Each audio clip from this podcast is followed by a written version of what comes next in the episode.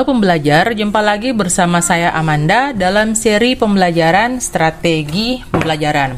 Nah, setelah kemarin kita sudah memahami landasan filosofis dari pembelajaran kontekstual dan bagaimana uh, konsep dasar dari pembelajaran tersebut.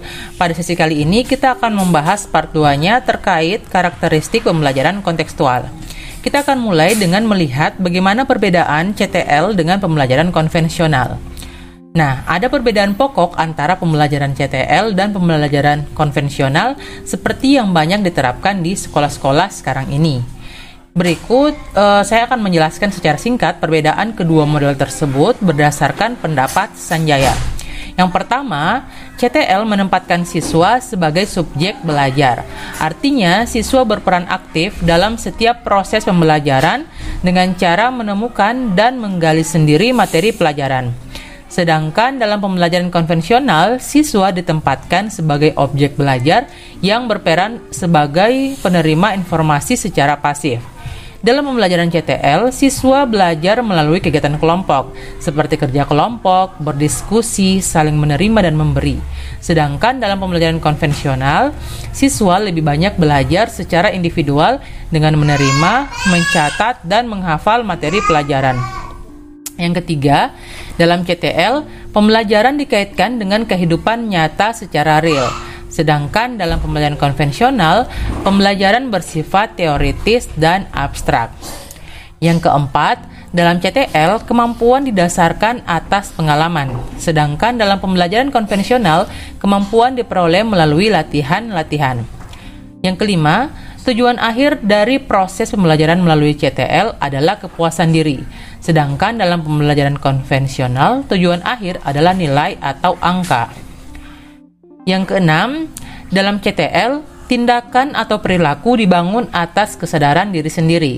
Misalnya, individu tidak melakukan perilaku tertentu karena ia menyadari bahwa perilaku itu merugikan dan tidak bermanfaat. Sedangkan dalam pembelajaran konvensional, Tindakan atau perilaku individu didasarkan oleh faktor dari luar dirinya.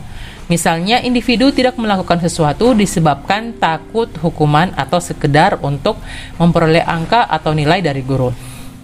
Yang ketujuh, dalam CTL, pengetahuan yang dimiliki setiap individu selalu berkembang sesuai dengan pengalaman yang dialaminya. Oleh sebab itu, setiap siswa bisa terjadi perbedaan dalam memaknai hakikat pengetahuan yang dimilikinya. Dalam pembelajaran konvensional, hal ini tidak mungkin terjadi. Kebenaran yang dimiliki bersifat absolut dan final. Oleh karena oleh karena pengetahuan dikonstruksi oleh orang lain.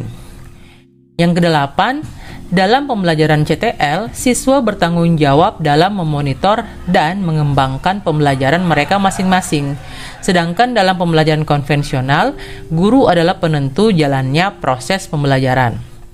Yang kesembilan, dalam pembelajaran CTL, pembelajaran bisa terjadi di mana saja, dalam konteks dan setting yang berbeda sesuai dengan kebutuhan.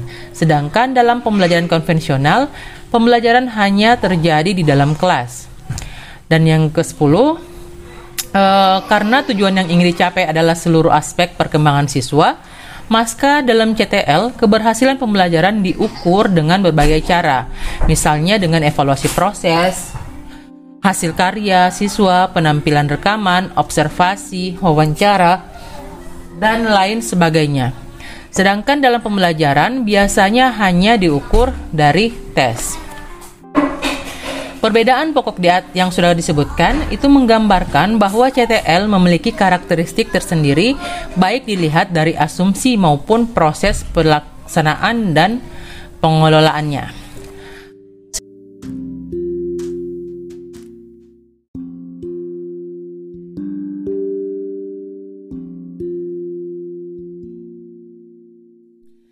Selanjutnya kita akan membicarakan asas-asas pembelajaran kontekstual. Jadi CTL berlandaskan pada asumsi bahwa pengetahuan diperoleh anak bukan melalui pemberian informasi oleh orang lain termasuk guru, akan tetapi dari proses menemukan dan mengkonstruksi sendiri oleh anak. Oleh karena itu, guru harus menghindari mengajar sebagai proses penyampaian informasi di sini siswa adalah organisme yang aktif yang memiliki potensi untuk membangun pengetahuannya sendiri. Walaupun guru memberikan informasi kepada siswa, guru harus memberi kesempatan untuk menggali informasi itu agar lebih bermakna untuk kehidupan mereka. CTL sebagai suatu pendekatan pembelajaran memiliki tujuh komponen atau asas yang melandasi pelaksanaan proses pembelajaran dengan menggunakan pendekatan ini. Nah, kita akan bahas satu persatu ketujuh asas tersebut. Yang pertama adalah asas konstruktivisme. Sebelumnya, kita telah membahas bahwa filsafat konstruktivisme menganggap pengetahuan itu terbentuk bukan hanya dari objek semata, tetapi juga dari kemampuan individu sebagai objek yang menangkap setiap objek yang diamatinya. Konstruktivisme mengembangkan pemikiran bahwa siswa akan belajar lebih bermakna jika ia diberi kesempatan untuk bekerja, menemukan, dan mengkonstruksi sendiri pengetahuan dan keterampilan baru. Pembelajaran dikemas menjadi proses mengkonstruksi, mengkonstruksi, bukan menerima pengetahuan. Konstruktivisme adalah proses membangun atau menyusun pengetahuan baru dalam struktur kognitif siswa berdasarkan pengalaman.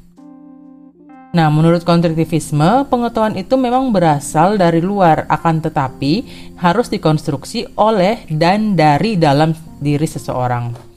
Oleh sebab itu, pengetahuan terbentuk oleh dua faktor yang penting, yaitu objek yang menjadi bahan pengamatan dan kemampuan subjek untuk menginterpretasi objek tersebut. Kedua faktor itu sama pentingnya. Dengan demikian, pengetahuan itu tidak bersifat statis tetapi bersifat dinamis, tergantung individu yang melihat dan mengkonstruksinya. Lebih jauh, Piaget menyatakan hakikat pengetahuan itu ada ada tiga ya. Yang pertama, Pengetahuan bukanlah merupakan gambaran dunia kenyataan belaka, akan tetapi selalu merupakan konstruksi kenyataan melalui kegiatan subjek. Yang kedua, subjek membentuk skema kognitif, kategori, konsep, dan struktur yang perlu untuk pengetahuan. Yang ketiga, pengetahuan dibentuk dalam struktur konsepsi seseorang. Struktur konsepsi membentuk pengetahuan bila konsepsi itu berlaku dalam berhadapan dengan pengalaman-pengalaman seseorang. Asumsi ini yang kemudian melandasi CTL. Pembelajaran melalui CTL pada dasarnya mendorong siswa agar bisa mengkonstruksi pengetahuannya melalui proses pengamatan dan pengalaman. Sebab pengetahuan hanya akan fungsional manakala dibangun oleh individu. Pengetahuan yang hanya diberikan tidak akan menjadi pengetahuan yang bermakna. Nah, atas dasar asumsi yang mendasar inilah maka penerapan asas konstruktivisme dalam pembelajaran melalui CTL, siswa didorong untuk mampu mengkonstruksi pengetahuan sendiri melalui pengalaman nyata. Asas yang kedua adalah menemukan atau inquiry. Inquiry artinya proses pembelajaran didasarkan pada pencarian dan penemuan melalui proses berpikir secara sistematis. Pengetahuan bukanlah sejumlah fakta hasil dari mengingat, akan tetapi hasil dari proses menemukan sendiri. Belajar pada dasarnya merupakan proses mental seseorang yang tidak terjadi secara mekanis. Melalui proses mental itulah diharapkan siswa berkembang secara utuh, baik intelektual, mental, emosional, maupun pribadinya. Oleh karena itu, dalam proses perencanaan pembelajaran, guru bukanlah mempersiapkan sejumlah materi yang harus dihafal, akan tetapi merancang pembelajaran yang memungkinkan siswa dapat menemukan sendiri materi yang harus dipahaminya. Pembelajaran adalah proses memfasilitasi kegiatan penemuan agar siswa memperoleh pengetahuan dan keterampilan melalui penemuannya sendiri, bukan hasil mengingat sejumlah fakta. Berbagai topik dalam setiap mata pelajaran dapat dilakukan melalui proses inquiry. Secara umum, proses inquiry dapat dilakukan melalui beberapa langkah. Yang pertama, merumuskan masalah, yang kedua, mengajukan hipotesis, yang ketiga, mengumpulkan data, yang keempat, menguji hipotesis berdasarkan data yang ditemukan, dan yang kelima, membuat kesimpulan. Penerapan asas inquiry ini dalam proses pembelajaran CTL dimulai dari adanya kesadaran siswa akan masalah yang jelas yang ingin dipecahkan. Dengan demikian, siswa harus didorong untuk menemukan masalah. Jika masalah telah dipahami dengan batasan-batasan yang jelas, selanjutnya siswa dapat mengajukan hipotesis atau jawaban sementara sesuai dengan rumusan masalah yang diajukan. Hipotesis inilah yang akan menuntun siswa untuk melakukan observasi dalam rangka mengumpulkan data. Bila data telah terkumpul, siswa selanjutnya dituntun untuk menguji hipotesis sebagai dasar dalam merumuskan kesimpulan. Asas menemukan seperti yang digambarkan di atas merupakan asas yang penting dalam pembelajaran kontekstual. Melalui proses berpikir yang sistematis, diharapkan siswa memiliki sikap ilmiah, rasional, dan logis yang kesemuanya itu diperlukan sebagai dasar pembentukan kreativitas. Yang ketiga adalah asas bertanya atau questioning. Belajar pada hakikatnya adalah bertanya dan menjawab pertanyaan. Bertanya dapat dipandang sebagai refleksi dari keingintahuan setiap individu, sedangkan menjawab pertanyaan mencerminkan kemampuan seseorang dalam berpikir. Dalam proses pembelajaran kontekstual, guru tidak menyampaikan informasi begitu saja, akan tetapi harus memancing agar siswa dapat menemukan sendiri. Karena itu, peran bertanya sangat penting, sebab melalui pertanyaan-pertanyaan guru dapat membimbing dan mengarahkan siswa untuk menemukan setiap materi yang dipelajarinya. Di sini, guru dapat mengembangkan sifat ingin tahu siswa melalui pengajuan pertanyaan atau problem posing. Aktivitas bertanya ditemukan ketika siswa berdiskusi, bekerja kelompok, menemui kesulitan, mengamati, mencari informasi baik antar siswa, antar siswa dan guru dan siswa dengan orang lain. Nah, dalam suatu pembelajaran yang produktif, kegiatan bertanya akan sangat berguna untuk yang pertama menggali informasi tentang kemampuan siswa dalam penguasaan materi pelajaran. Yang kedua, membangkitkan motivasi siswa untuk belajar. Yang ketiga, merangsang keingintahuan siswa terhadap sesuatu. Yang keempat, memfokuskan siswa pada sesuatu yang diinginkan. Yang kelima, membimbing siswa untuk menemukan atau menyimpulkan sesuatu. Nah, dalam setiap tahapan dan proses pembelajaran, kegiatan bertanya hampir selalu digunakan. Oleh karena itu, kemampuan guru untuk mengembangkan teknik-teknik bertanya sangat diperlukan. Asas yang keempat adalah masyarakat belajar atau learning community. Vygotsky, seorang psikolog Rusia, menekan, menekankan hakikat sosiokultural dalam pembelajaran. Ia mengkritik pendapat Piaget yang menyatakan bahwa faktor utama yang mendorong perkembangan kognitif seseorang adalah motivasi atau daya dari individu sendiri untuk mau belajar dan berinteraksi dengan lingkungan. Sementara Vygotsky, Vygotsky ini dia justru berpendapat bahwa interaksi sosial yaitu interaksi individu tersebut dengan orang lain merupakan faktor yang terpenting yang mendorong atau memicu perkembangan kognitif seseorang. Ya, jadi istilahnya dia uh, si Vygotsky ini dia berlawanan pendapat dengan Piaget. Piaget, Piaget lebih uh, anggapannya lebih individualistis, artinya motivasi itu belas, belas, berasal dari diri individu sendiri. Sementara menurut Vygotsky, uh, kesuksesan pembelajaran itu dia faktor utamanya yang memegang peran penting adalah interaksi individu dengan orang lain. Sebagai contoh, seorang anak belajar berbicara sebagai akibat dari interaksi anak itu dengan orang-orang di sekelilingnya, terutama orang yang sudah lebih dewasa, yaitu orang-orang yang sudah lebih mahir berbicara daripada si anak.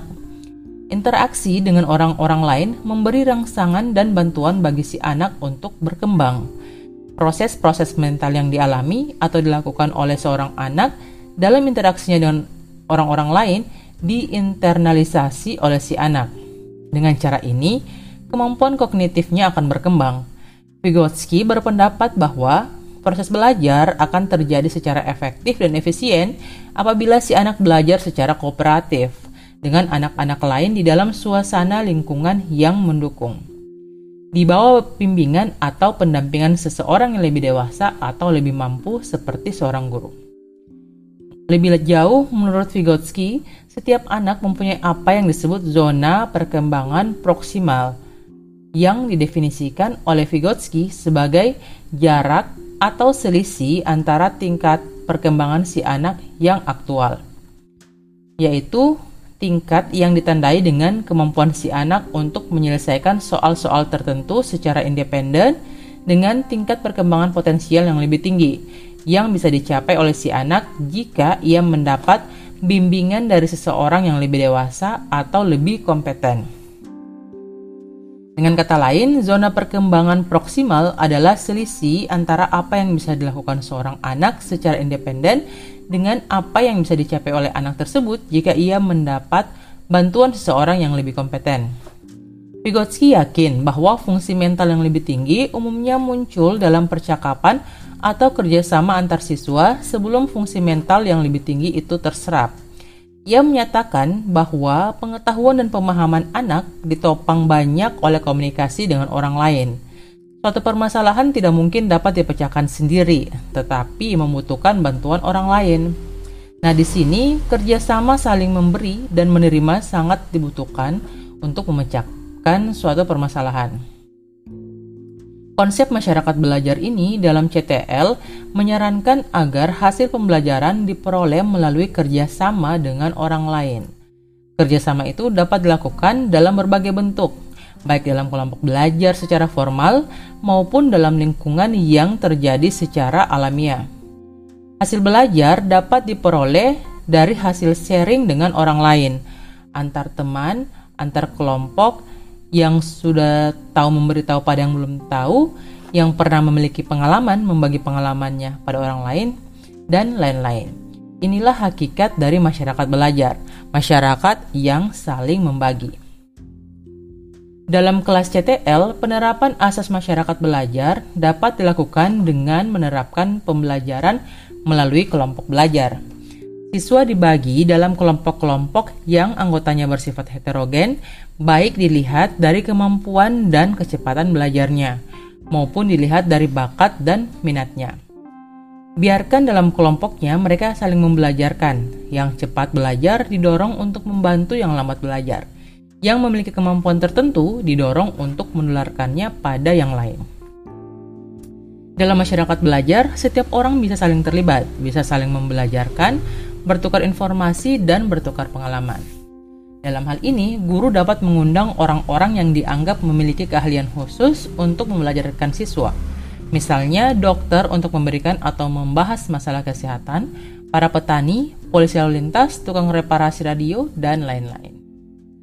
Kita masuk ke asas kelima yaitu asas pemodelan atau modeling. Yang dimaksud dengan asas modeling adalah proses pembelajaran dengan memperagakan sesuatu sebagai contoh yang dapat ditiru oleh setiap siswa. Memodelkan atau modeling ini e, memodelkan sesuatu agar siswa dapat menurinya untuk memperoleh pengetahuan dan keterampilan baru. Modeling merupakan asas yang cukup penting dalam pembelajaran CTL, sebab melalui modeling siswa dapat terhindar dari pembelajaran yang teoritis abstrak yang dapat memungkinkan terjadinya verbalisme. Ya, misalnya guru memberikan contoh bagaimana cara mengoperasikan sebuah alat atau bagaimana cara melafalkan sebuah kalimat asing. Guru olahraga memberikan contoh bagaimana cara melempar bola, guru kesenian memberikan contoh bagaimana cara memainkan alat musik dan lain sebagainya.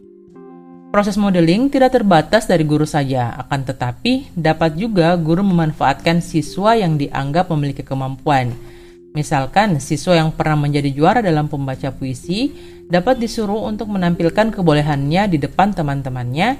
Dengan demikian, siswa dapat dianggap sebagai model. Asas yang keenam adalah refleksi atau, atau reflection. Refleksi adalah cara berpikir tentang apa yang baru saja dipelajari atau berpikir ke belakang tentang apa-apa yang sudah dilakukan di masa lalu. Refleksi adalah proses pengendapan pengalaman yang telah dipelajari yang dilakukan dengan cara mengurutkan kembali kejadian-kejadian atau peristiwa pembelajaran yang telah dilalui siswa. Dalam proses pembelajaran dengan menggunakan CTL, setiap berakhir proses pembelajaran, guru memberikan kesempatan kepada siswa untuk merenung atau mengingat kembali apa yang telah dipelajarinya. Di sini siswa dibiarkan secara bebas menafsirkan pengalamannya sendiri, sehingga ia dapat menyimpulkan tentang pengalaman belajarnya. Melalui proses refleksi, pengalaman belajar itu akan dimasukkan dalam struktur kognitif siswa yang pada akhirnya akan menjadi bagian dari pengetahuan yang dimilikinya. bisa terjadi melalui proses refleksi, siswa akan memperbaharui pengetahuan yang telah dibentuknya atau menambah khazanah pengetahuannya. Asas yang terakhir, penilaian yang sebenarnya atau authentic assessment. Proses pembelajaran konvensional yang sering dilakukan guru pada saat ini biasanya ditekankan kepada perkembangan aspek intelektual, sehingga alat evaluasi yang digunakan terbatas pada penggunaan tes. Dengan tes dapat diketahui seberapa jauh siswa telah menguasai materi pelajaran. Sementara dalam konteks CTL, keberhasilan pembelajaran tidak hanya ditentukan oleh perkembangan kemampuan intelektual saja, akan tetapi perkembangan seluruh aspek oleh sebab itu, penilaian keberhasilan tidak hanya ditentukan oleh aspek hasil belajar seperti hasil tes, akan tetapi juga proses belajar melalui penilaian nyata. Penilaian nyata atau authentic assessment ini adalah proses yang dilakukan guru untuk mengumpulkan informasi tentang perkembangan belajar siswa belajar yang dilakukan siswa.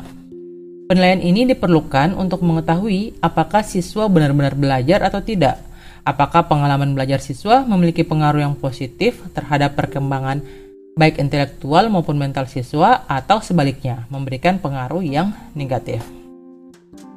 Nah, penilaian yang autentik dilakukan secara terintegrasi dengan proses pembelajaran. Penilaian ini dilakukan secara terus-menerus selama kegiatan pembelajaran berlangsung. Oleh sebab itu, tekanannya diarahkan kepada proses belajar, bukan kepada hasil belajar. Demikian tadi pembahasan tentang asas-asas pembelajaran kontekstual. Nah, selanjutnya bagaimana pembelajaran kontekstual ini diterapkan dan bisa menggunakan model-model apa saja?